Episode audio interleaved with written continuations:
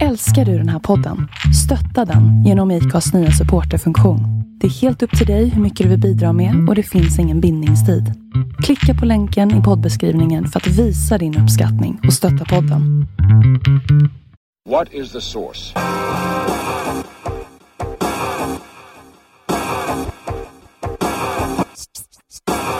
One, two, three, set it!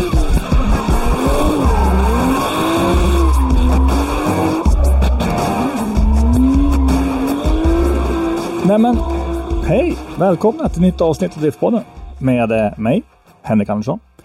Christer Hägglund. Och Robban Strandberg. Tjena gubbar, allt bra så här i sommar? Ja, Ja, det var ju så länge sedan som man höll ju knappt på att komma ihåg hur man plockar ihop de här grejerna. Det har ju legat utspritt till både höger och vänster där. det har ju Ja. gått lite... Det har gått en, en tid igen, men det har, vi är ju bara människor vi också. Har lite semestrar en del av oss och sådär. Och sen jag var på Mantorp Park en vecka. Eller en vecka. Jag, Jag tänkte en vecka. jag, åker, jag åker fransk Du- du- bil, så jag åkte i tid för att komma dit. Precis. Du vanlifeade en vecka om man säger så. Ja, precis. Det gjorde jag. Så jag var med på SDS deltävling 3 som vi kommer att prata lite grann om sen. Men eh, nu så sitter vi här och eh, de som var med och lyssnade på förra avsnittet kommer ihåg att det åskade ju här hos mig så pass att det hördes i inspelningen den gången. Och det gör det även nu faktiskt. Ja, det, var, det var liksom sjukt när vi kom på att vi skulle, i vanliga fall så brukar vi spela in på tisdagar, men idag så är alla upptagna på tisdag. Så vi kör på måndagen. Och då tänkte jag, ja men det är ju schysst, det kan vi göra. Och så i samma veva som vi beslutade det, då drog min den här blixtvarningsappen en gång om att det är världens oväder. Och så kollar man vart det är, bara, då är det typ runt där Christer är inga blixtningar i Sundsvall, utan där, där Christer bor. Ja. Ja, så vi får se. Ni vet vad det är om, det, om ni hör att det mullrar. Yes. Da, dagens podd kommer i alla fall kasta rätt så bra runt lite olika ämnen. Kan jag säga. Ja, det är ju om inte Nej. annat det kortaste manus vi har haft i världshistorien. Som vanligt, som vanligt så vill jag även styrka nu då att, även innan, att eh, det vi säger här, det vill vi gärna ta upp till diskussion. Mycket av det kommer säga. Framförallt det som kommer lite längre ner sen, men ja. Den här gången blir det killgissningspodd så det bara sjunger om det. Vi har eh, ett par intressanta diskussionsämnen faktiskt. Riktigt intressanta Mm. grejer. Så att eh, det, det här ska bli kul. Men eh, ska vi börja dra lite grann om SDS på Mantorp då? Yes. ja, det tycker jag. Ja, jag var ju där som sagt och eh, det var ju en, vi sa ju i helgen allihopa och jag vet inte, Dennis Stavon sa det ganska många gånger, fast det var ju torsdag, fredag. Ja, Man, det, man är så van att, att diskutera om helgen liksom, så man säger så, men det var väl liksom en liten, jag tycker att det var ju anledningen att jag inte kunde åka. mm, Jag kunde inte, jag var ensam på jobbet under de här två veckorna som var där då, så jag kunde ju inte stänga hela verksamheten för att åka nej, två dagar. Nej, jag vet att det var några som hävdade det som eh, orsak också, att, att de inte var där. Så att eh, det, ja, det var väl lite synd, men det var i alla fall eh, tävlingsdags i Parisern och det var ju ett tag sedan vi körde där. Vi har ju kört upp i Mjölbydelen som vi har valt att kalla den, eller södra slingan tror jag de brukar kalla det på Mjölbydelen har ju varit alltså, första prio nu. Ja, Ja, det var Sen länge, det var länge sedan 2018 faktiskt, sen de var körde där i Paris. Ja, sen 2018 har, har de kört i, i Mjölbydelen tror jag. Eh, och nu så var det dags igen då och då var ju tanken att eh, RM skulle köra, kan man säga, den här vanliga ja, pariserslingan då liksom. Med rulla ut på dragracing-strippen efter målgång.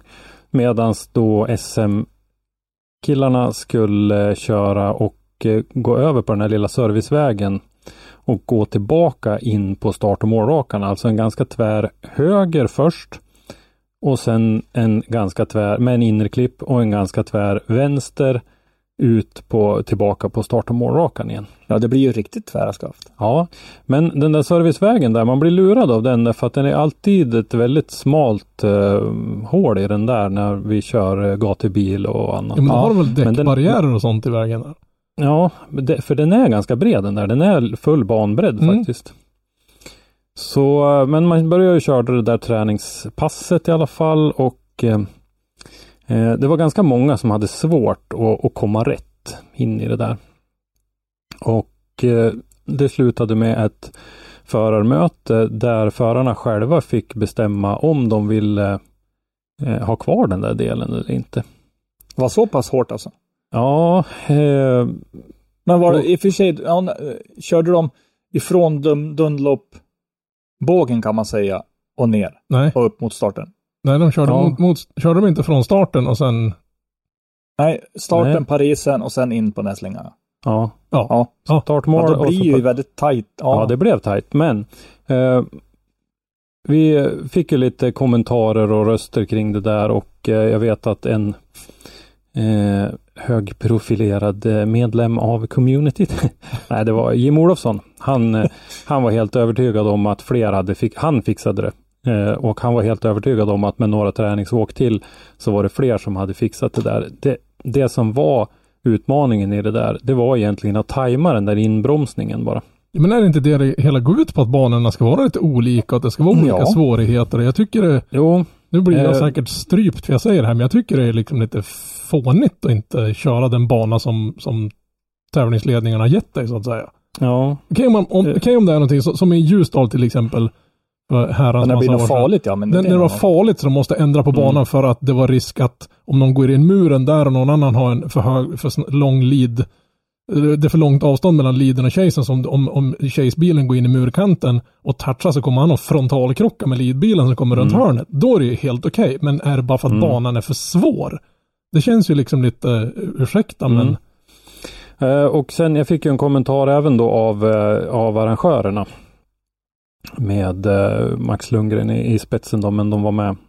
Hela gänget faktiskt var med där i den där diskussionen efteråt på kvällen och eh, det har ju varit rätt mycket diskussioner efter eh, Dels efter eh, Bilsport eh, Performance och Custom Motorshow. Elmia. Den, Ja.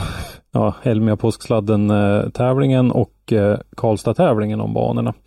Och nu så kände man att man vill inte riskera att få en massa mer diskussioner utan då, då bjöd man in till, till det här förarmötet istället och, och, och gjorde så här. Så att då blev den ju så då blev banorna i RM och SM lika istället. Så att I, man, för man sig, bort den då, där, då är det ganska schysst om liksom majoriteten väljer att, att vi ska köra det här. Men jag tycker samtidigt att det, det liksom är lite tråkigt att, att det blir förarna som bestämmer bana. Det är ju de som ska komma dit och köra den här lagda banan så att säga. Sen blåste det ju upp en, en, en liten diskussion också i vårt kommentarsfält då, kring det här där ett par eh, inbitna simdriftare menade på att eh, banan var väldigt svår, att eh, man hade, det hade tagit väldigt många försök att sätta den och att man borde ha släppt den till eh, sim, alltså en simvariant av Mm. det här till förarna innan. Och Och det kan jag Där- hålla med om. man, man eh, vi, vi ska ju komma ihåg att banan var ju provkörd. Johan Andersson hade provkört den här banan. Så att den var provkörd i verkliga livet. Alltså att de såg att, ni- att det faktiskt funkar ja. Ja. Eh, och eh, så att det, det var ju ingenting man bara sköt från höften inte. Eh, för, därför att jag kan tänka så här att vi eh, måste även försöka se lite grann på rättvisefrågan i det här. Det är inte riktigt alla i det här startfältet som är simdriftare. Börjar vi och släpper ut den exakta bansträckningen på, i ja, då, sim, ja då, Då ger vi ju vissa förare en väldigt stor fördel jämfört med, och Ja, det här är inte ett sim, det här är inte ett simdriftingmästerskap. Det här är IRL-drifting. Mm, mm. Så att det, det känner jag att jag är helt emot Nej, att släppa ut det så. Om man säger så här, ska man bjuda in den virtuella världen, då måste alla förare få samma förutsättningar. Mm. Ja, och jag, jag tog nästan på något sätt för givet att om man kör SM i drifting att man har att man liksom underhållskör så att säga som ja, sim, det är, ju- simdrift. du kan ha rätt i det och, och jag har fel. Jag vet Ja, inte. jag har inte riktigt, heller men- någon aning. Och är det som du säger att det, låt säga att det är 50-50 som kör simmer, simmare och Mm. 50 som inte kör det, då är det orättvist. Jag är emot att släppa ut ban, för ska du få det där att ge någonting, att, att träna in den där banan, då måste du ju släppa ut vart zoner och allting ska vara om det Ja. ska, för, så att du får in liksom, och det, det är Ja, det jag ska vara emot. lagt- det ska ja. inte behövas på SM-nivån, den ska de kunna bli presenterad för när de kommer dit. Mm. Och fixar ändå. Sen, sen kan det vara, eh, om vi nu tar eh, arrangörssynpunkten på att om du lägger en för svår bana och du märker det och du får allt emot dig, så kan du få, alltså det blir som en bromskloss. Mm. Att du får bara problem där. Var den så jättesvår eller hängde det på att det tog längre tid än, än normalt för dem att sätta banan? Ja, det senare. Eh, och då, då går jag ganska mycket på, på det jag hörde. Det var inte bara Jim som sa det här, men det var, eh, det var några till. Och de var ju fem, sex stycken som satte den ganska på en gång. Mm. Och eh, Jim var ju väldigt tydlig med när han stod och tittade på de andra, att ett par åk under andra träningspasset så var han övertygad om att då skulle den ha suttit för kanske över hälften på en Mm, gång. mm. Och eh, Jag kan tänka mig, alltså om vi går in på banan nu, alltså kurvan upp på start, alltså första böjen, den, den lär ju bli en skap, för det är en nivåskillnad där. Mm. Den är lite bankad. Vi, eh, så att det, det blev ju så i alla fall. Jag tycker väl att det är hedersamt för, eh, för arrangören att de, att de tar den här diskussionen, att de gör om det här ändå. Då, så att vi, vi minimerar risken för att det ska bli mycket snack i efterhand om, om, eh, om banorna och att det trashar bilar och, och, och Ja, det, det vill vi inte ha. Menar, så, Nej. länge, så länge banorna är safe för förarna och bilarna. För de, ja, Elmi all ära, men det är en jävla betongdjungel. Det finns ingenstans Mm. att ta vägen om det går åt skogen. Men på Mantorp Park, där kan du ju för fan vara kunna vända med bil och, släp liksom och inte vara i... Men, men det är ju nu liksom twisten på det här kommer. När vi eh, kliver in i SM-kvalet och eh, vi eh, ska börja kvala och eh, det är, det är ju lite manfall redan innan Mm. tyvärr. Eh, men vi hade 32 förare till start enligt mina noteringar. Och trots att vi nu då tog bort det här svåra partiet så är det bara 27 förare som kvalar in. Och Ja, det intressanta med det var att det var inte där borta problemet låg. Problemen började långt tidigare. Problemen började i ytterzonen före själva Pariserkurvan. Ja, den där flicken de gör där ja. Ja, nej, inte flicken utan alltså ända på hitsidan mot Ja, läktaren. ja, ja, precis. Ja. Inte mot dragracingdepån utan mot, eh, mot rätta. Ja, Första stora zonen kan man säga. Ja, precis. precis. Att, eh, och där fick jag förklarat av en förare att den zonen var väldigt lång. Och när den föraren höll igenom hela den zonen, då for han ut i kattsanden i Paris. Mm, för där var det rätt många som var ute och, och Det parkerade. var rätt många som var ute där. Du hann, och, aldrig, du hann aldrig, alltså aldrig Nej, flicka över tillräckligt snabbt och få ner farten för att... precis. Ja. Men det är väl Så det att någonting för man att- ska be, be banläggarna ändra på. Den. När banläggarna Mm. ser att det är väldigt många som, som går av där och att det var för långt. Då Mm. kanske man borde justera en sån sak. Ja. Ja, eh, den här föraren han hittar ju sin melodi i alla fall i att gå ur zonen tidigare. Ta ett poängavdrag för att han gick ur zonen tidigare. Och gick ju där och tittade på kvällen och såg att eh, det var ju i princip inga spår genom hela zonen utan alla hade ju lämnat den för tidigt. Det är ju vilket som det där att där har ju verkligen bedömarna en möjlighet att sålla agnarna från vetet. Tar du hela den där zonen då ska du ha fett med bonus för det. Eh, lämnar du den tidigt som du i princip var tvungen att göra och nu kör den här föraren som jag pratade med en ganska stor bil. Det kanske finns de som är mera lättmanövrerade och, och kan göra en, en mera eh, snärtigare transition där och, och komma över liksom. Så att det, det var ju en sak, för det var ju redan där problemen började för väldigt många. Så att eh, vi hann inte ens bort till Men följde hamna- dem, var, var det så att du hamnade på en fel linje redan där och, och att du vart straffad för det resten av banan så att säga? Så att Nej, liksom de flesta aldrig... som, som gjorde det enligt min amatörblick åkte ut i sanden. Mm. Eh, så att det var inte att du kom på en taskig linje. Utan, Utan det var ingen, av. ingen linje, du var av där helt enkelt. Ja, enligt min uppfattning. Mm. Men som sagt, Alexander Kvists ögon och mina ögon ser olika saker. Oj, Eh, ja. och jag böjer mig Ja. omedelbums för, för den erfarenheten. Men, det, eh, det, är, så- det är svårt. eh, Ja, vi kan ju bara ja, vi kan ju bara diskutera från det vi ser. Ja. jag har sett ett och annat driftingåk Ja, eh, genom åren jag också. Ett par har det blivit. Ja, men eh, så att, men och så man försöker ju ta in lite grann och, och, och diskutera med, med förarna när man är på plats för en gångs skull. För, vilket för övrigt var jättekul att få vara, för jag har ju inte fått vara det hittills i år. Då. Det är ju liksom halva grejen med att åka dit. Det är inte bara liksom det här att åka dit, eh, skriva en massa grejer, ta en massa bilder, utan det är liksom hänget runt omkring och surra skit Mm. med förare och sådana saker. Det är ärligt talat det, personligen Men därför det är ju jag själva åker. grejen. Ja. Ja, Ja, det är resten skit. Men eh, slutkontentan då, om vi tittar på SM-klassen, så var det ju det att det blev ju ingen topp 32 då, eftersom man enligt reglerna nu behöver vara, eller nu har alltid varit, men behöver vara 28 stycken inkvalade för att eh, eh, kunna köra. Kör, ja, precis. Och eh, vi var ju med för ett antal år sedan här, var det 2018 det var? Nej, 19, Mm, var 19 det. var det. När det var ett färre antal som eh, kvalade in och eh, då togs det ju ett, eh, ett beslut om att eh, göra ett undantag från den där regeln då. Så att eh, det vart fler byruns bara.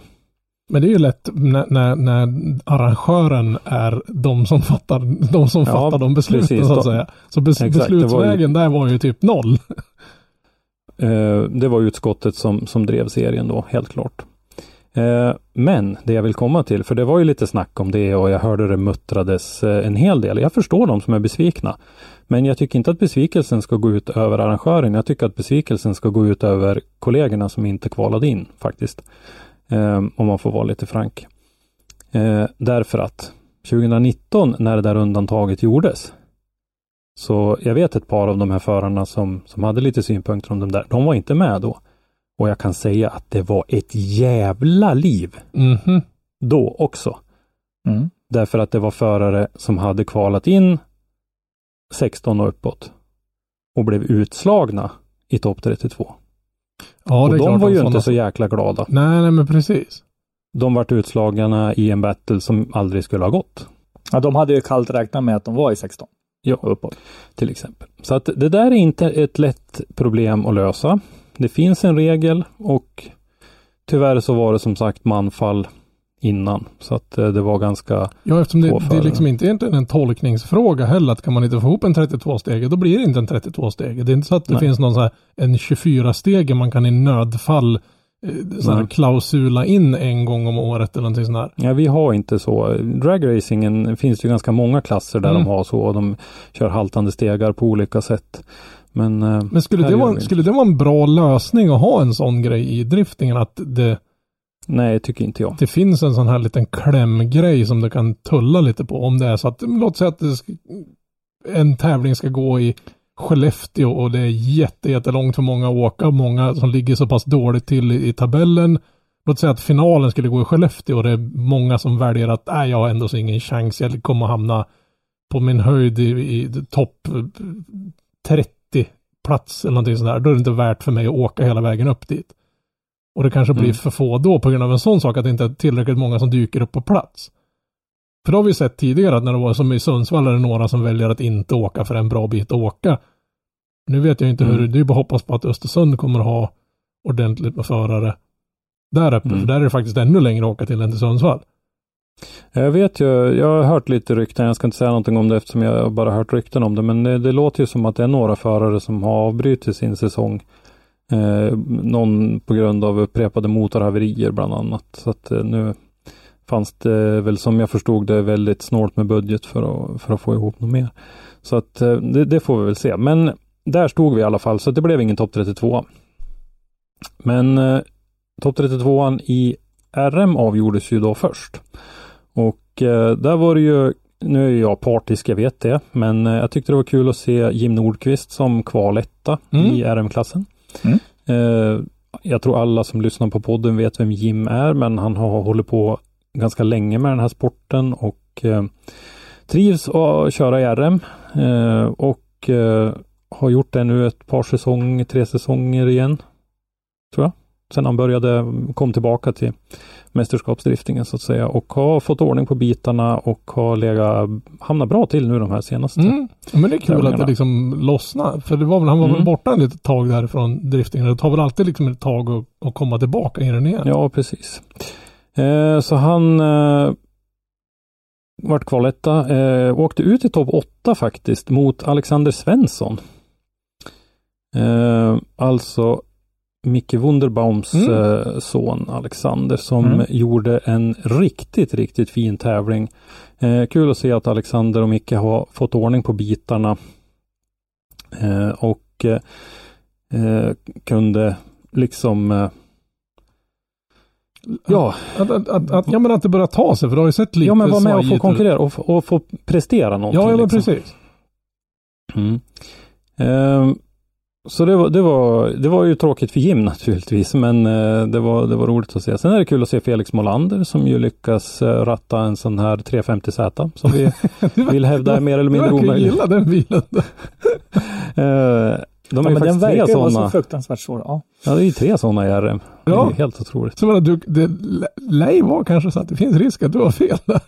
Nej, Nej okej, okej. för två av dem såg ut att vara helt omöjliga att Ja, ja, jag det var bara- bara Felix som lyckades. Jag har bara kört en sån här en gång i hela mitt liv och den var ju till för att köra runt på en bana och helst ska då arslet inte försöka hålla på och bete sig som de här bilarna. Jag, jag tyckte den var Mm. helt makalös på det. Ja, eh, topp fyra Felix Molander mot Alexander Svensson där eh, Molander vann. Eh, Filip Navrocki mot Tim Lindström där Navrocki vann. Så att det blev då Tim Lindström och Alexander Svensson i eh, i eh, battlen om tredje pris. Tim Lindström vann och Navrocki och Molander i finalen där Filip Navrocki vann, vilket jag också tyckte var kul därför Mhm. att Filip har haft en motig start på sin säsong. Han har ju gått ifrån att köra en eh, sjöcontainer till alltså en Volvo 740 till en eh, Nissan S13. Mm. Nej, men det är skitkul Ja. att det liksom är på väg åt rätt håll för han också. Ja, fått ordning på bitarna. Under träningen till eh, IRM så var det faktiskt en riktigt nasty smäll också där eh, Niklas Forsberg kom och körde i par med Oskar Bengtsson och eh, Oskar hade fått eh, Nej, eh, så här var det. Niklas hade kört av och eh, Oskar kom efter och eh, Niklas tänkte köra på banan igen och eh, Oh. Oskar gled ut lite grann och det var en, det var en, en s- riktigt stum smäll. Oskars eh, Volvo 740 är ju ett fantastiskt bygge med eh, skärmar i kevlar och grejer. Så att utifrån på skärmar och sånt där så syntes det faktiskt ingenting efter den där smällen. Eh, men däremot på framänden på Niklas Forsbergs bil var ju helt och där var en sån där lite ont i magen smäll som vi brukar säga för den, Mm. det, Mm. det lät som det tog ordentligt. Men de, de klarade, det vart inga personskador eller någonting på någon. Nej, det var det faktiskt inte. Oskar fick ihop sin bil också så han var med i kvalet. Eh, så att eh, nu gick det inget bra för honom i kvalet så jag tror att det fanns eh, lite gremlins kvar i, i bilen efter smällen men i alla fall så lyckades han vara med. Adam körde ju sitt kval på fredagsmorgonen för en utmaning med att ha en tävling så här. Det var ju det att Mantorp Parks miljötillstånd säger att de får bara köra till 17 på torsdagar. Ah. Eh, 21 på fredagar och Men hur lördagar. mycket träna? Fick de träna? Var de nere på torsdagen och så de fick träna bra ordentligt innan? Eller? Ja, ja, de, de körde ju hela torsdagen okej. också. Men att SM körde sitt kval på torsdag kväll och Mm. RM sparade sitt i fredag morgon och de fick en genomåkning på fredag morgon och sen fick de. Så att eh, Filip Navrocki som sagt tog hem det där. I eh, SM då så blev det ju topp 16 och vi såg en del högprofilerade förare som eh, inte fick vara med. Eh, vi hade Mattias Bengtsson, vi hade Fredrik Westring som jag alltid tycker lite extra synd om som sitter och åker från Kalix eh, som visade i, en, i ett videoklipp vad som var fel på hans bil. Och det var att eh, när han drog på så sögs eh, luftfiltret ihop sig. Det Åh nej! twistade sig, nu visar jag här väldigt pedagogiskt för, för mina poddkollegor, att det, det twistade sig och for ihop Ja. så att motorn fick inte tillräckligt med luft. Eh, och det hade tagit tid att hitta. Det hade tagit tid att hitta. Så att, eh, Ja, jo, det är ingenting man upptäcker när man står och småvarvar lite i depån alla gånger. Nej. Vi har haft ett liknande problem på en, på en banracingbil och det enda gången vi upptäckte det, det var när vi körde bilen utan huv och det var någon som hade råkat filma det på sidan av banan. Man såg att den började korva sig mer och mer och mer och Mm. mer och mer. Och det är bara en ren slump att det upptäcktes. För det hade varit Ja. felsökande i typ tre, fyra veckor innan de kom på det.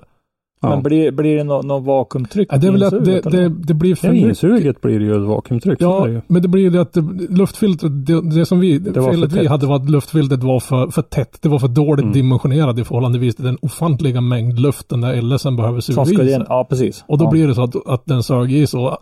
Skräcken är det att om man har ett billigt sånt där filter, då kan det gå sönder och då är det ju det massa ståltrådar och skit i den där.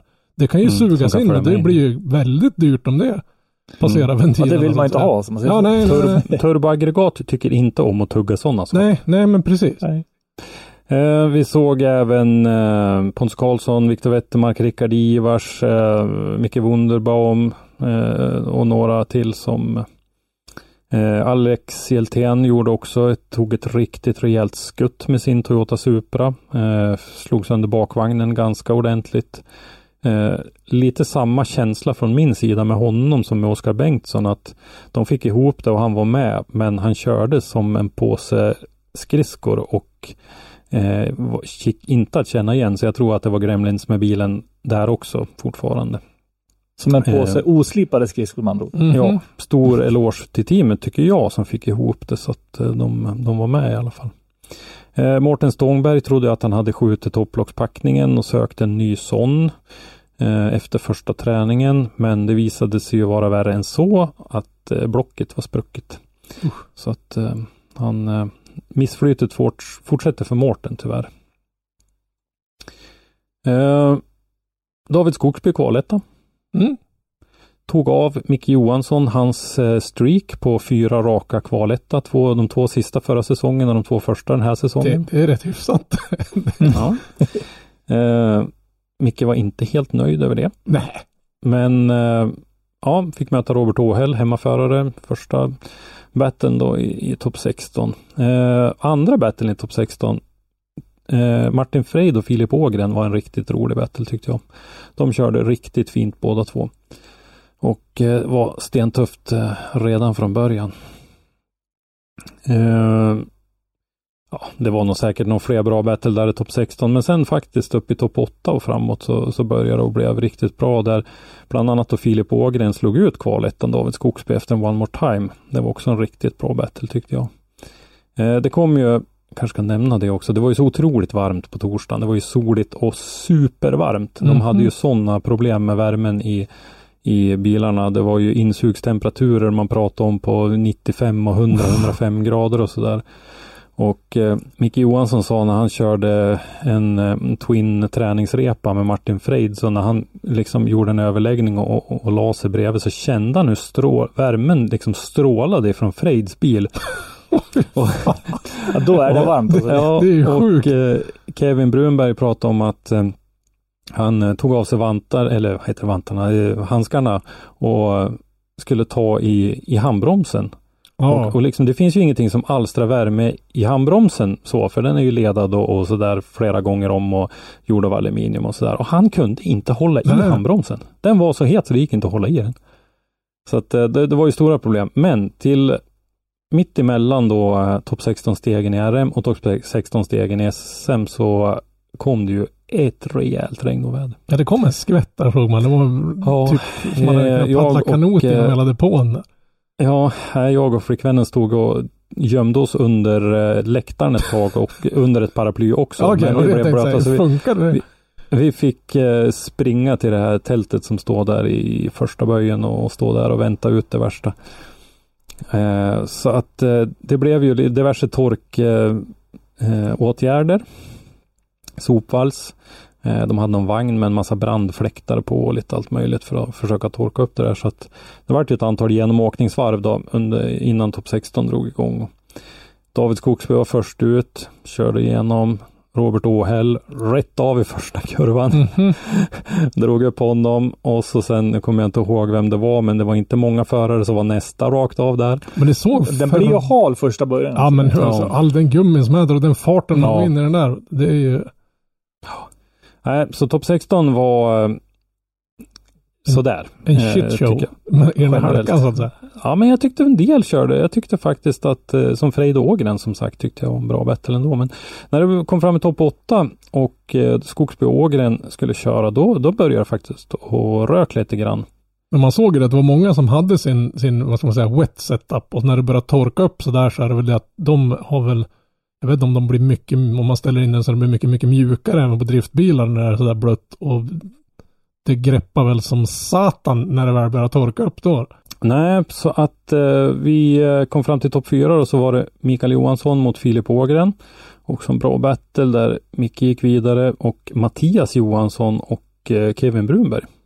Kul att det gick bra för Kevin också Mhm. som eh, har haft en liten mot i början.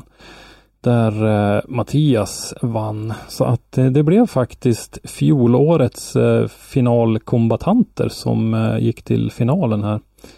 Eh, där Mikael Johansson då vann mot Mattias Johansson.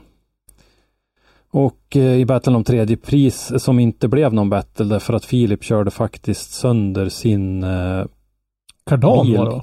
Ja, precis. Det blev en one more time mot Mattias Johansson. Och eh, då gick eh, kardanen var helt avskruvad.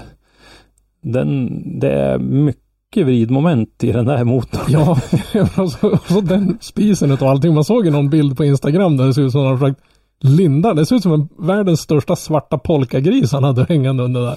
Så att eh, det blev eh, Micke Johansson som tog hem det där. Så att nu då efter tre deltävlingar så har vi Micke Johansson fortfarande i toppen. 317 poäng. Mattias Johansson 287 och David Skogsby 3 med 285. Så det är fortfarande Oh. tajt där uppe i toppen. Spännande. Andreas Lilja 245, Alfred Grindberg. Tycker fortfarande att det är jätteroligt att Alfred Grindberg Mhm. är med. Drabbades ju tyvärr av ett motorhaveri då, här. Eh, så att han fick inte genomföra hela tävlingen. 222 poäng och han. Eh, Martin Freid 218 och Filip Ågren 208. De här topp 7 som har över 200 poäng, de är ju verkligen eh, med. För det är ju många poäng kvar att köra om.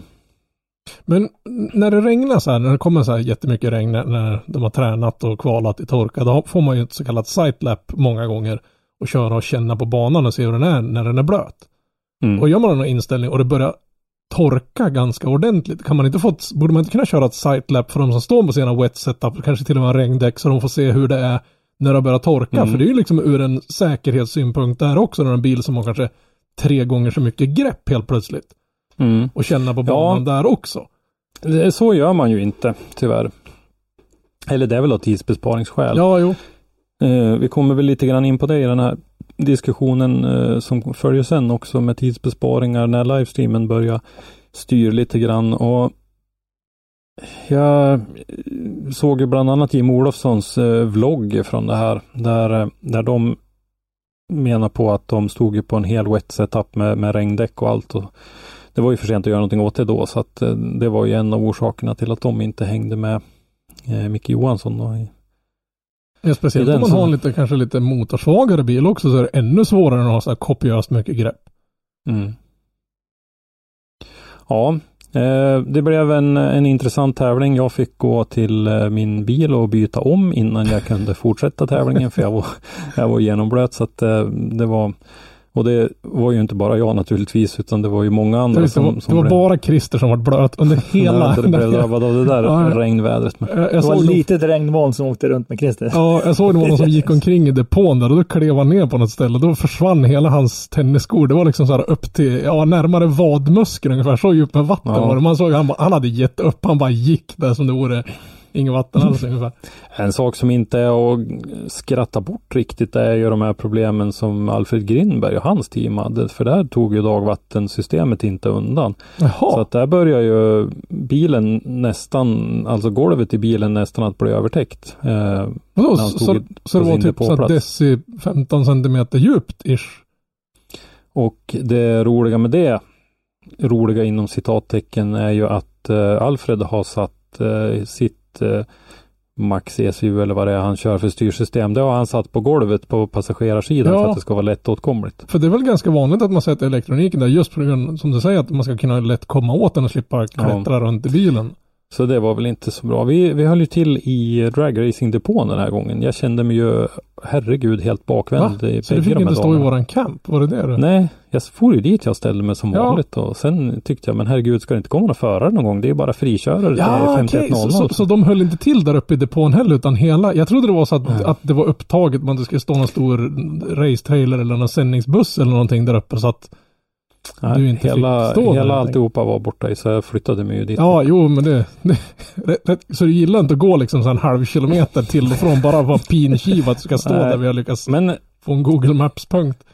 Alltså ni, ni har ju hängt med mig så mycket så att ni vet ju att jag tycker att saker och ting ska vara som de brukar Ja, vara. jo, men det, det var därför jag var Nej, men bara- det, det hade ju sina utmaningar det här därför att det var ju mm, restaurangen till exempel. Den ligger ju där den alltid har legat. Mm, jo, den flyttade mig väldigt sällan. Ja, vi hann ju inte gå dit utan det var ju, då var det ju tvungen att depåcruisa. Så vi fick ju ta bilen och åka runt annars hade inte jag hunnit äta någonting.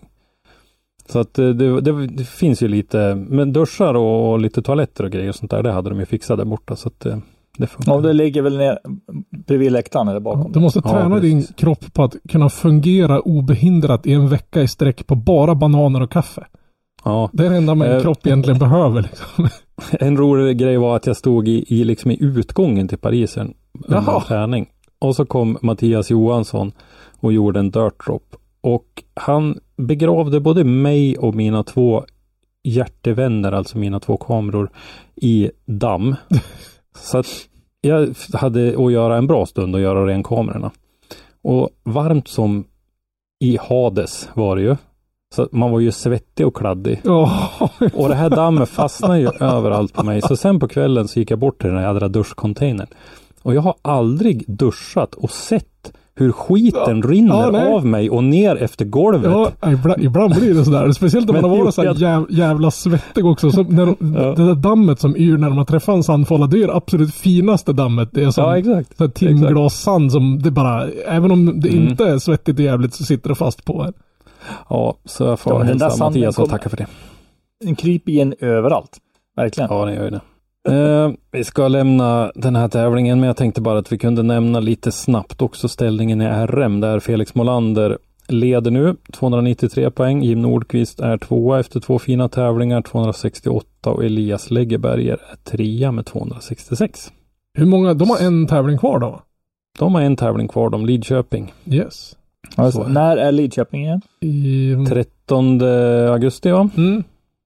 13-14 Ja, ja. det, är, ja. det är om två helger från och med idag då så Mm. att säga. Det är väl en vecka kvar när ni hör det här. För den här borde väl komma ut nu på fredag och då är det ju Ja, den helgen och så är det helgen efter det.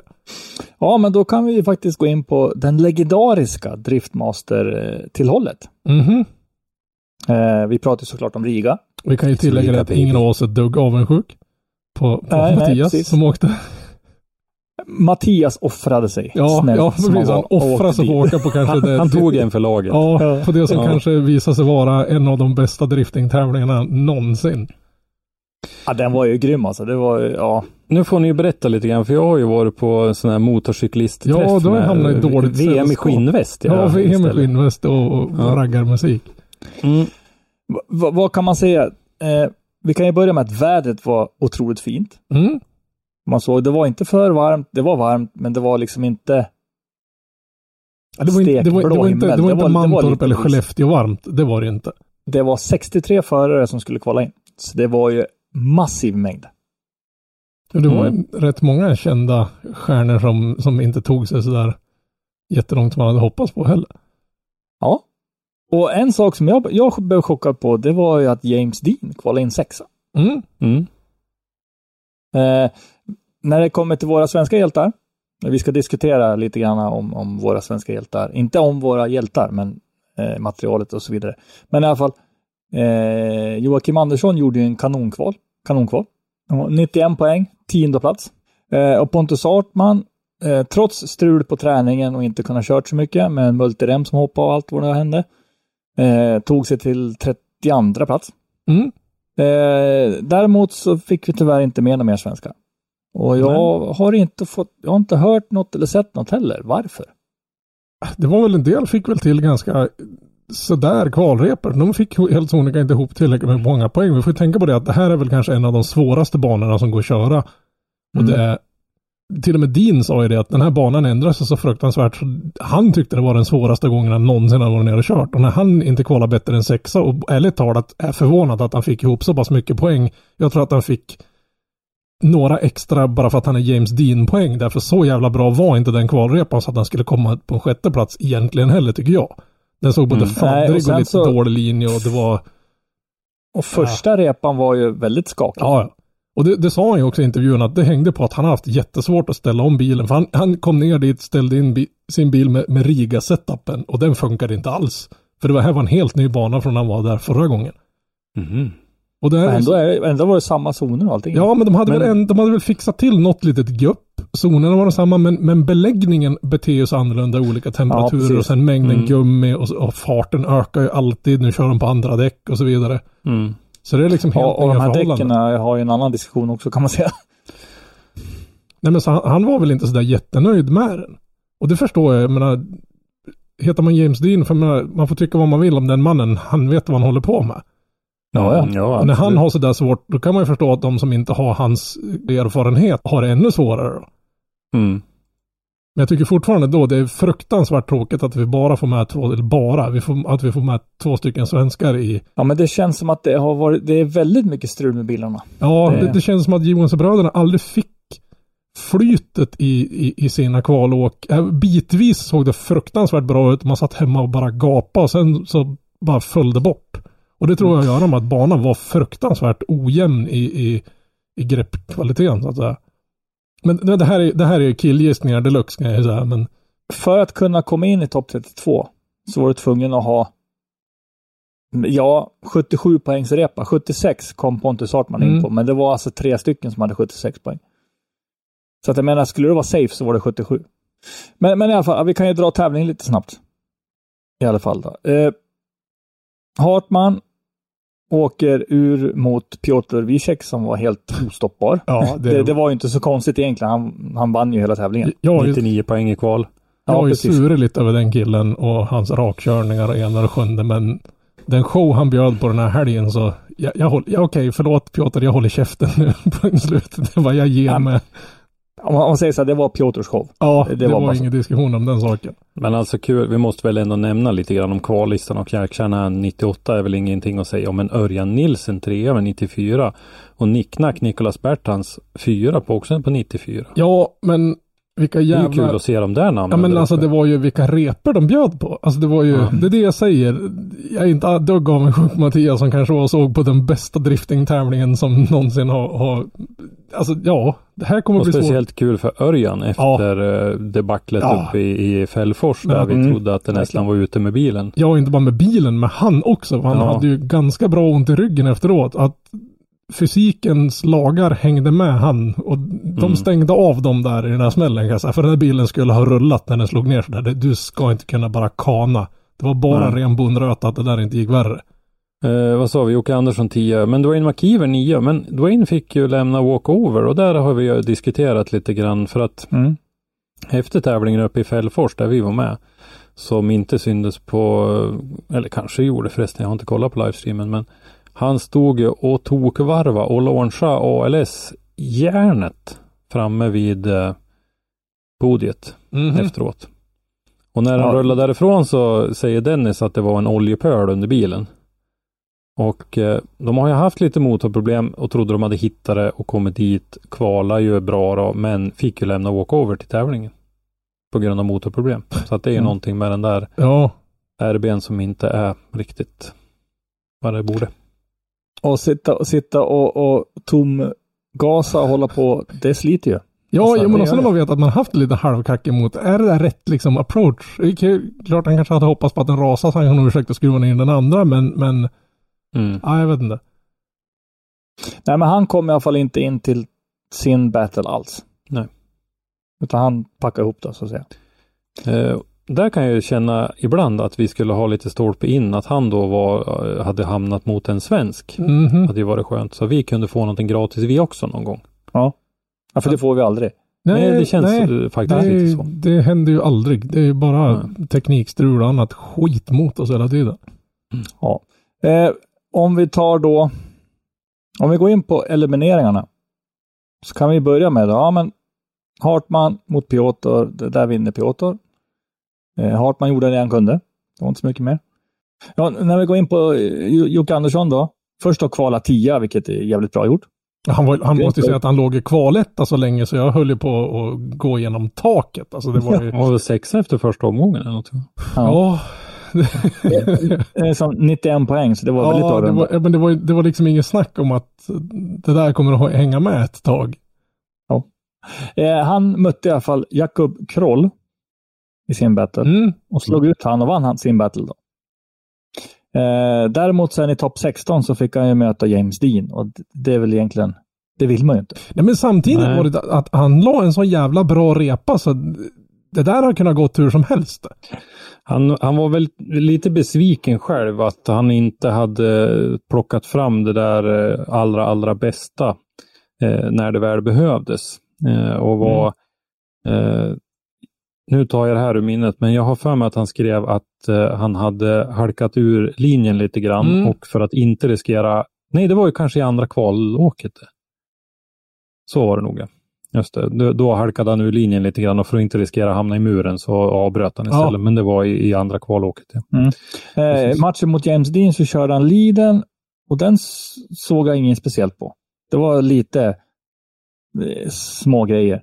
Mm. Eh, på chasen sen så kom han fel och man kom för nära sånt där, så att han kom så långt ut i knixen före eh, muren. Men det, det Mm. såg ju ut som hans bil hade så sjukt mycket grepp så det var svårt att få den att, att släppa. Så att den hela tiden försökte kämpa sig. Istället för att åka Inåt, ja. på, på Ja. tvären så såg det ut som den hela tiden försökte hoppa inåt. Och det såg ut som att man fick kämpa riktigt, riktigt hårt med bilen. Och sen är det, jag menar, du står där, du har, du har, du har haft en jättebra kvalplacering, du har tagit det vidare och så får du möta James Dean. Men det Mm. vore ju ren lögn att påstå att inte nerver spelar någon roll på det där. Eller? Ja, det är klart de gör det. Det gör de ju. Men Mm. och ärligt talat tycker jag att Jocke gjorde en bättre kvalrepa än din. Så där hade jag, där, det kändes som när de stod där på line-upen så kändes det som att singla en slant. Jag hade inte velat sätta en Det krona skiljer på, två poäng. Ja, jag hade inte velat sätta en spänn på någon av dem där, vem som skulle gå och segra Mm. nu det där. Och där kan Nej. ju nerver och rutin ha spelat in en jäkla roll. Men, men fall på hans chase så kommer han för långt ut i den, den kurvan innan eh, muren. Då. Mm. Så han slår ju av och hamnar rakt. Och sen, Ja. ja. sen han avbryter då. Så det är synd. Det är ju Mm. fruktansvärt synd. Eh, andra grejer. En, eh, en sån här sak som i topp 32 när Jack kör av sitt däck. Mhm. Så då får inte han fortsätta. Nej. Så han Nej. åker alltså ut. I 32an redan. Ja. Det var inte så bra för mästerskapet för honom. Nej, så han förlorade en hel knippe poäng där. Men är inte Mm. det en sån här livestream-regel? Jo, Alltså hur lång tid Ja. tar det för dem att ha med sig ett jävla däck bort i line-upen? Och så Nej, det är inga, inga tider alls. un-. Under tävlingen. Du, Mm. får, du får ett däck under tävlingen. Om du får en debut eller någonting sånt här. Du har ett däck som du, när du går tillbaka kan du, du får en gång under hela helgen får du ett, välja när du ska byta ett däck. Mm. För att få Har de, inte, har de inte två minuter mellan det? Jo men du får inte röra Jo, bilen. men, men de får inte röra bilen. Ja, nej, nej precis. Ja, men, Ja, så- Så det var ju det som eh, eh, den här rumänen åkte Ja. på, att eh, det var någon som gjorde någonting med bilen. Ja, men precis. Du, får ju- du får- lite luft va? Ja, de ändrar däcktrycket. Du får ju liksom Mm. spruta vatten på, på laddluftkylare Ja. och sådana saker för att få ner temperaturer och sådär. Men då, då tar du inte bilen. Då spolar du vatten på bilen. Mm. Ja, men du får inte göra något Nej. sånt. Nej men alltså man, man tycker för, för showens skull, för sån jävla tid tar det inte att byta däck. Vad tar det? Två minuter kanske att byta däck och ha en kille där borta med en mutterpick och en domkraft. Mm. Nej, Ja. men jag vet och, och det är därför jag brukar säga att de silar mygg och sväljer kameler Mm. när de skickar ut femman med varsin piazzava-kvast för att sopa, där vi kommer med två, Det- eller en eller två sopvalsar som är 2,60 bred. Liksom. De- den vi skulle nämna innan vi går in på den här diskussionen vi tänkte ha. Eh, du har då Tor Arne Kvia. Bra kval, starkt. Eh, tar sig från topp 32. Tar sig vidare till topp 16. Tar sig vidare via topp 8. Tar sig vidare då och ska köra. Eh, förlorar sin match och får köra mot tredje, fjärde plats. Men visst, han fick väl möta Örjan Nilsson där i, i träsket också? Ja, någonstans där. Ja, men var, han, var inte det... Topp 8 måste det ha varit för jag Örjan. och, och topp 8 fick han ju möta den. Så då satt man där och tyckte det sög lite grann. Ungefär som när man får se två svenskar som men Mm. kan vi inte heja på svenskar så hejar vi på norrmän eller finnar. Det är ingen diskussion om den saken. Ja, men så är det I alla fall. Eh, och de kommer in och han ska köra sin battle mot, eh, köra mot Connor. I värmningen så drar han sönder en drivknut. Just det. Så det var, det var, vart Alltså, enhjulsburnande ja. 740 av den där ros, rosa pjäsen. Och om ni tänker nu, varenda förbannad gång han har varit där uppe och ska köra de här sista Mm. grejerna, då har Mhm. bilen gått sönder honom. Mm. Liksom, Men man såg det, var det, var det Connors pappa pappa eller Connors mek som stod där bredvid och tittade in under Kvias bil och konstaterade att det, det är fakt. Och man såg hur han såg helt han såg lika knäckt ut som Kvia, för de, de ville ju se den där striden, punkt slut. Men Mm. det, det är så kul att se att den konkurrerande teamet blir minst lika deprimerad och knäckt Ja. som, som han själv blir. Mm. Ja, men där har du driftingfamiljen Ja, som ja, är precis. faktiskt vida känd. Men det, det, liksom, Alla, alla hjälper alla liksom. det, det slutar aldrig att förvåna en. Det är det som är så imponerande med den här sporten. Mm. Eh, och det här för oss in på dagens diskussion där vi gärna vill ha lite eh, insyn ifrån både förare, ni som lyssnar och, och alla andra. Ska vi dra färdigt tävlingen först bara? Mm. Att det var, det var Piotr som vann finalen mot eh, James Dean. Ja, Ja, i I en... fantastisk final som Ja, det- jag har fått. Jag har inte tittat Ja, på den. du måste se den. Du, Mm. eller, eller, eller, eller så skiter du i den och så fortsätter du att leva och tro att all annan drifting du har sett är helt okej. Mm. Framförallt ja så... den var tajt. Den var tajt. Du Alltså, kommer det var ju- aldrig att vilja säga en FD. Och FD sög redan innan, men efter det här Mm. så, ja, lycka till kan jag säga. Är, är det att titta på den där, är det lika dumt som att ta med sig tjejen till en bodybuilding-tävling? Ja, För män? ja, Eh, ja, det, det, Alltså när man tittade, jag tittade flera gånger på den när, när jag såg tillbaks när jag satt och skrev.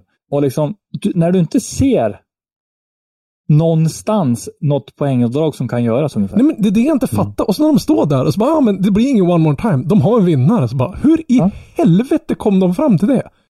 Anna- Annars brukar du få det att ja, men, han vinglar lite grann där eller han var Mm. lite... Ja, Ja, nej. Okej, Piotr Ja. var, var närmare under en längre... I, i Piotrs chase var han bättre än vad Dean i sin chase var. Det måste vara det som Ja. avgjorde. Och nu, nu pratar vi en decimeter skilde. Det var, Piotr Ja, låg en decimeter närmare under hela tiden. Nej, det var... Det Eh, var Jag vill eh, skriva en lapp som gamle biskop Brask. Att Då- eh, vi faktiskt kan komma och diskutera lite mot oss själva här nu när vi kommer in i den här diskussionen. När det gäller att få tid till att byta ett hjul till exempel. Men vi, Okej. jag, jag lämnar den Ah, brasklappen ja, när det- vi det- börjar diskussionen. det, det, är ännu, Ja. det är ännu mer in, i- intriger när vi börjar prata emot oss själva. Ja, men- i alla fall, eh, Riga levererade. Som Mm. de egentligen alltid gör. Och jag kan ju bara hoppas att... Alltså, jag skulle vilja att vi var ett helt gäng där nästa år. Mm. Även svenskar på, alltså, i publiken. Ja, men och så vi- hatten av för Finland. Det, Mm. det, Finland ligger mig väldigt varmt om hjärtat på grund av min, min finska fru och hela den Mumin-grejen. Men, men alltså supporten de finska förarna hade på läktaren. Var det någon annan nation som hade lyckats hogga några biljetter? Nog för att Det var ju utsålt ett par veckor innan. Ja, man har ju varit på Ja. en annan hockeymatch. Jag har faktiskt fått möjligheten att gå och titta på en hockey-VM-match mellan Sverige och Norge, eller Sverige och Finland och det var herre jävlar, höll jag att säga. Men jag tror den publikens energi har lite att lära av den finska publiken här nere. För det var, tävlingen var helt makalös. Det var en enastående finalbattle och den finska publiken bidrog till att hela stämningen där nere var helt sjuk. Mm. Nej, jag- det året jag var där var ju 2018. Mm. Då var det ju ganska mycket svenskar där. Eh, Det var ju det året vi hade var, tre stycken som, med anknytning. Då vi räknar Pavel Korpolinski lite som svensk också och Kim Olofsson och eh, Christian Erlandsson. Och eh, det var en hel del publik där som jag vet sprang och försökte hjälpa till med eh, Jims bil då när han voltade med den. Så därför att det har varit en del svenskar också där faktiskt. Och, Hur, hur mycket i, publik kommer in på det här området? ja, Hur, hur många får det plats alltså i publiken där nere? För jag, jag, jag med, ingen aning. jag får med Egan och de nämnde någonting, eller nu vet jag de, de kanske de bara höftade dem också, men de sa väl att det var närmare tusen plus från Finland, men det, det vet jag inte Mm. om det. Men det var, De sa ju dessutom att vi var i midnattssolens ja, land. vi i och för sig, och, och, och, och, alla var local boys när de körde Mm, med Skellefteå. Det, Eh, I tisdags så kom det ut en artikel av våran utsände Mattias Lago där han berättar lite grann om eh, just det här att resa till Mm. Riga för att se den här tävlingen. Därför Mm. att vi lämnar ju våra varmaste rekommendationer att ta sig till Riga kanske nästa år. Eller om ni har möjlighet kanske senare under det här året, för det brukar ju vara fler bra tävlingar. I fjol till exempel så vann ju Jocke Andersson en stor tävling i eh, det baltiska driftingmästerskapet som kördes. Så det behöver ju inte vara DMEC precis, men Nej. ta er till Bicke Nikitrase i, i Riga för att se en tävling. Det är fantastiskt och där går Mattias faktiskt igenom ganska mycket och för hur man ska ta sig dit och vad man kan tänka på lite grann. Att man kan flyga från Arlanda och Landvetter och det finns eh, de här stora lågprisbolagen flyger den där sträckan allihopa. Det var väl inte så bloddyrt heller egentligen? Nej, det var det inte och det var inte det året jag åkte heller. För han skrev väl någon liten summa vad det här hade kostat han. Och det är Ja. billigare än vad det skulle kosta för mig att åka till Mantorp, knoppa på något sunkigt hak och åka hem igen med min bil. Mm. Ja, det är så. Och eh, lite grann, lite tips också om både om boenden och sen hur man eh, tar sig från, dels från flygplatsen in till stan. Man eh, lär bo någonstans centralt i stan. Och så sen även hur man tar sig ut till banan då. Det finns både bussar och det finns ju sådana här eh, kabelbussar, eh, typ spårvagnar fast på gummidäck så att Så säga. han, så han har gjort en, vad heter han, Kim Illman light. Utav Ja, exakt, Ja, vad faktiskt. schysst. Ja. Eh, mycket Fast det är- läsvärd, eh, all heder till Mattias för den mycket läsvärd artikel. Mm. Så den rekommenderar jag att ni tar en titt på och försök att ta er till eh, Riga om ni har möjlighet. Och det är faktiskt inte svårare än vad man tror. Man, jag tror man tror att det är svårt, men det är absolut inte svårt. I alla fall, Mattias har skrivit en, en, en väldigt grym guide. Mm. Faktiskt. Kolla på den, åk till Riga. Oh ja, oh ja, oh ja. Oh ja. Och det är lättare än vad ni tror. Mm. Ja. Helt klart. Ska Men vi, nu ska vi göra oss tycker jag vi lämnar ovänner med alla i hela driftingvärlden nu då? Vad sa du? Är det nu vi ska göra oss ovänner med hälften av alla i driftingvärlden? är det? Ja, nej, inte, inte ovänner, för det är liksom inte mot personer. Nej, nej, det, det är det är mot det ju ma- inte. materialet. För att alltså, vi ska börja så här. Grunden till det här jag kommer att säga nu. Eh, vi vet att vi har kompetensen och vi har kunnandet och vi har kör, kör, kör alltså kör, vad säger man? Körskickligheten. Mm. Vi vet att vi har det. Men, eh, och nu har ju jag fått tagit överslag. Det är inte bara den här säsongen, det är förra säsongen. Det är egentligen alla stora tävlingar som har varit, så har vi haft väldigt mycket problem. Just våra svenska förare. Är det för att vi, Tänker du att vi inte kvalar in i DMEC? Eh, eh, nej inte kvala in, så, så, men man hör ju alltid att det är mycket strul kring maskinellt. mm. Det, är väl- det är väl inte bara liksom, eh, vad ska man säga, när det väl gäller, utan det är mycket, alltså att, att det, det vad ska man säga, ursäkta språkbruket, men skiten bakom spakarna hänger på, utan det är oftast spakarna det hänger på. Ja, det är alltså det maskinella. Ja. Det, det, det är alltså Mm. bygget, bilen. Mm. Och jag, eh, jag har väldigt många gånger kommit in i det här och tänkt det själv. Alltså, vad är det som gör att det så ofta går sönder? Mm. Antingen, antingen så är ju jag då man följer ju våra svenska hjältar väldigt, väldigt Ja, hårt. men det är väl att man, man är fokuserad, som den här helgen till exempel, där såg vi om vi ska ta det att det är mekaniskt. Man tänker ofta på nej, det är bara de svenska förarna som kör sönder mekaniskt. Men här såg vi hur många byruns var Ja. det inte under den här topp 32 och hur många var det inte som, som körde sönder och hur många stora förare var det som inte körde sönder. Som Kvias, Drivaxel och ena och sjunde när det väl gäller.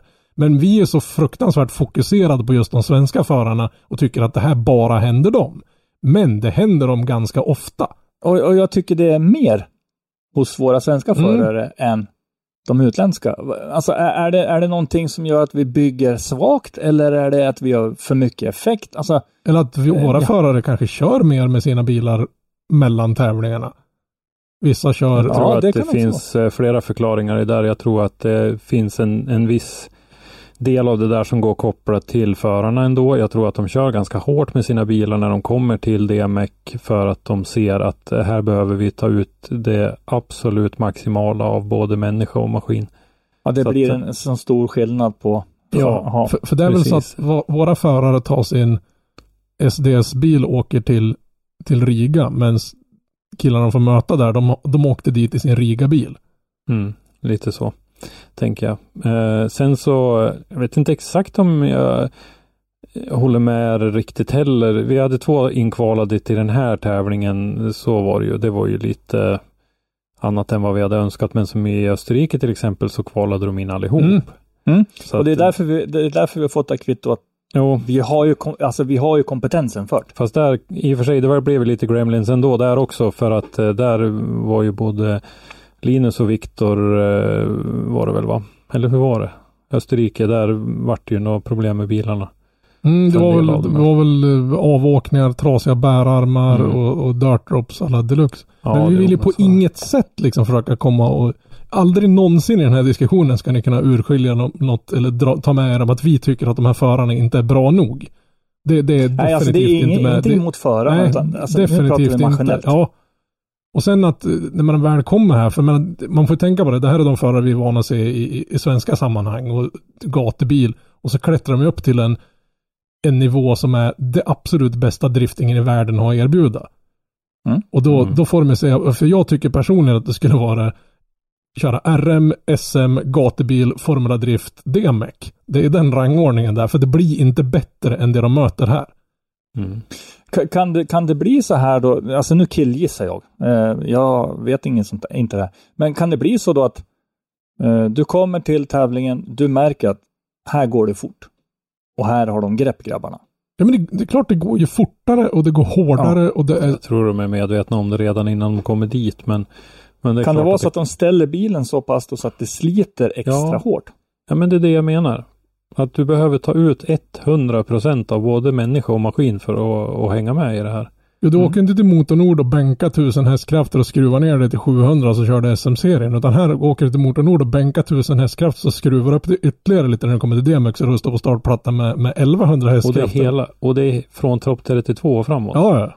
Vi tittar på serieledande Mikael Johansson i SDS. När han kör sin första battle i topp 32 eller topp 16 så är det faktiskt en, en viss nivåskillnad. Han behöver inte ta ut sig. Nej. I, han, han behöver köra bra, absolut. Det är, det är ett bra startfält i SM, men det är ändå en nivåskillnad och han behöver inte ta ut exakt allt förrän han kommer fram en liten bit i stegen. Men här är det stenhårt från början till slut om du ens kvalar in. 63 bilar ska ner till 32. Bara det är ju helt galet. Men här kollar man på, på Dean och Piotr till exempel. De kör ju, de, de, de, till och med de skruvar ju upp sina bilar på max.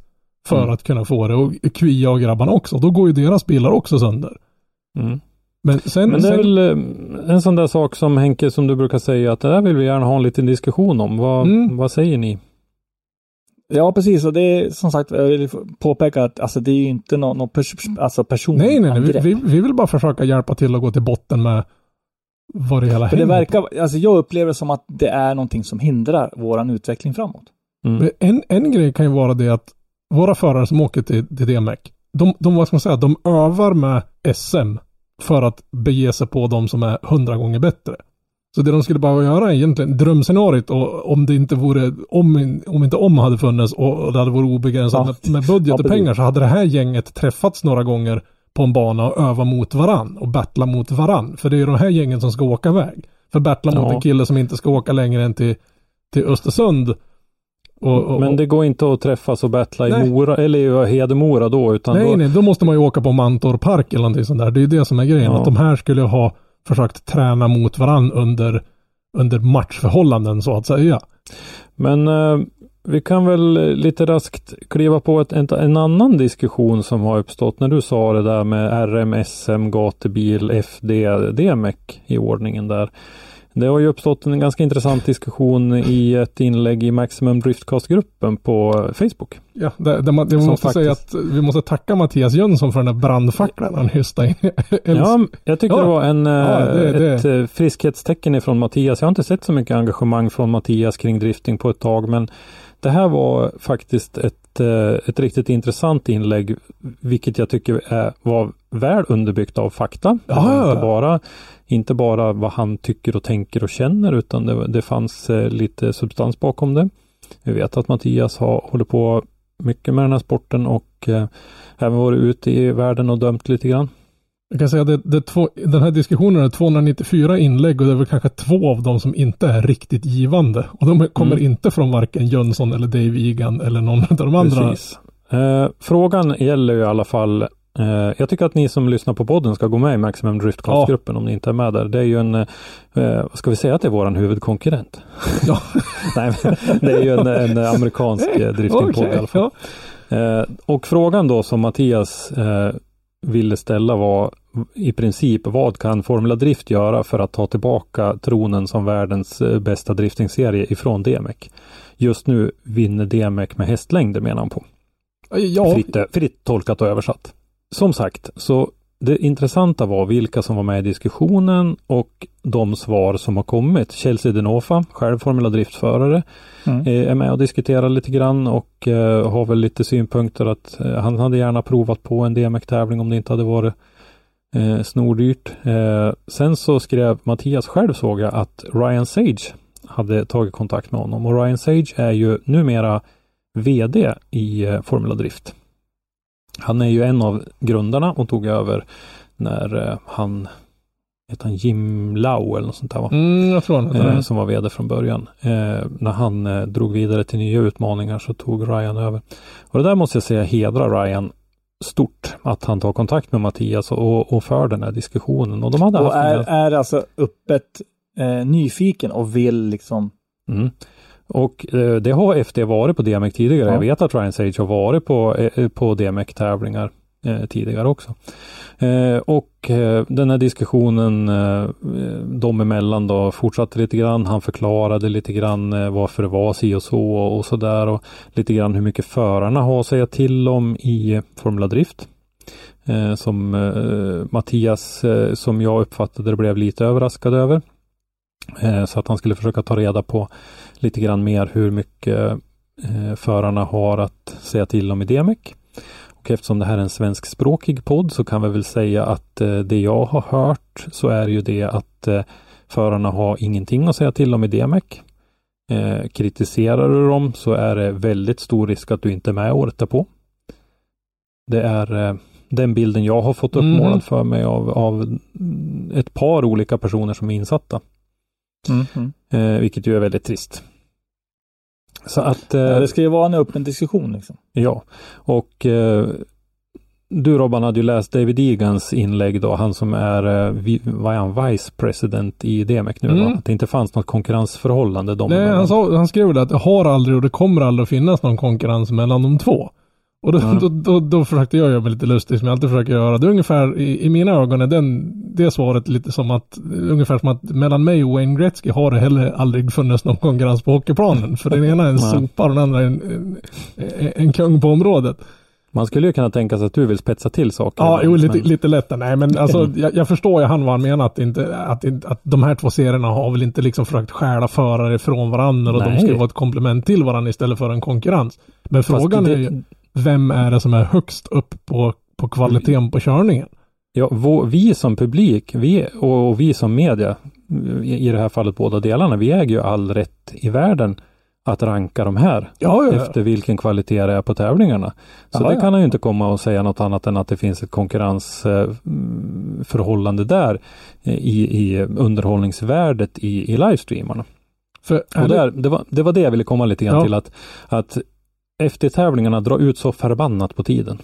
Mhm. Mm. Det är långa Och det var en bedömningar. av de stora grejerna, var just tidsåtgången och så vidare. Precis, det är långa bedömningar, det är många one more times och så vidare och så vidare och drar ut väldigt långt på tiden. Medans vi blir lite less på det mycket ibland, att där är tidsschemat lite för slimmat.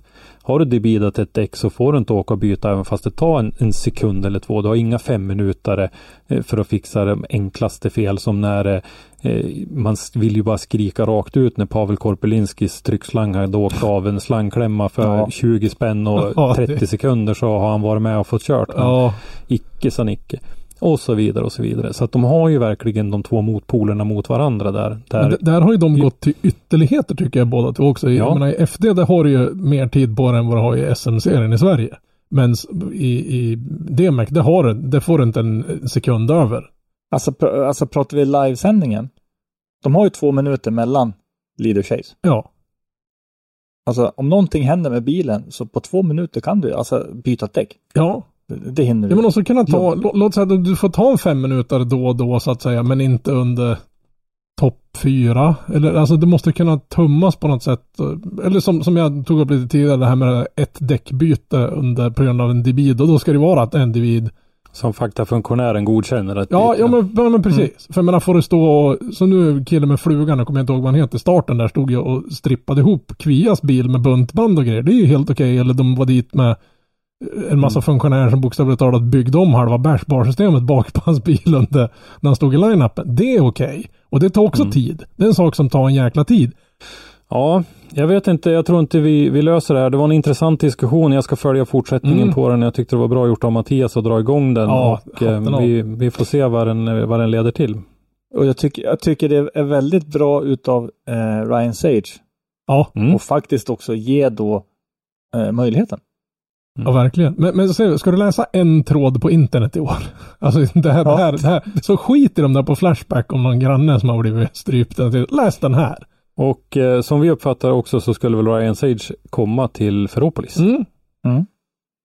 och titta på DMEC-tävlingen där. Och sen så var det också, det var också samtidigt bra att Dave Egan då gick in och faktiskt förklarade lite grann bakom där. Mm. Ja, han kan ju inte säga något annat. Han kan ju inte gå in där och säga att vi försöker att ta av FD-kronan som, vi, som Ja, nej, nej. inofficiellt världsmästerskap. Det kan han ju inte göra utan det, han måste ju säga så. Fast annars är det många länder som är representerade. Ja, nej men. Nej men om, om man ser det så här på rent på körningen då. Om vi skiter i livesändningen och, och fem minuter hit och dit. Det vi får se på skärmarna, alltså den körning vi får se på, på skärmarna. Även, om, även om FDs livesändning är väl eh, inte något att hänga i julgranen. Och då, då vet jag vad inte något att hänga i julgranen är. För jag har varit med och producerat en del saker som definitivt inte borde få läggas under granfoten ens en gång. Men körningen är bättre i DMEC. Alltså kvaliteten på battles, proximity, Mm. alltså Formula Drift är en jätteschysst spektakel om de kan hålla sig borta från de här jävla ovalerna. Så man ser, nu kommer jag inte ihåg, Ja.